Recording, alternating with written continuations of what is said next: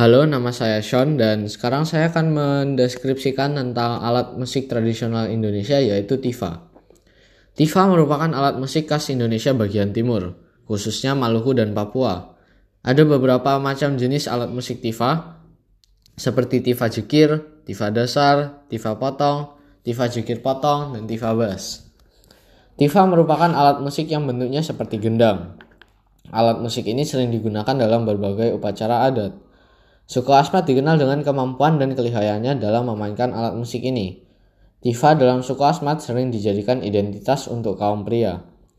Tifa terbuat dari kayu lokal khas Papua, yakni kayu susu.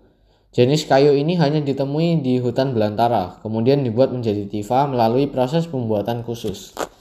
Selain terbuat dari kayu, tifa pada bagian membrannya dibuat dari kulit binatang, yakni biawak atau soa-soa dan kulit rusa.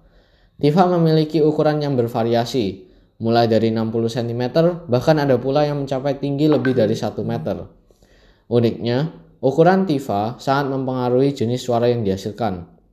Jika ukurannya semakin kecil, maka suara tifa akan semakin tinggi. Jika ukurannya panjang dan besar, suara yang dihasilkan semakin rendah atau besar. Cara memainkan tifa adalah memegang tifa menggunakan tangan kiri dan memukulnya menggunakan empat jari tangan kanan. Namun ada pula yang memukulnya dengan lima jari tangan.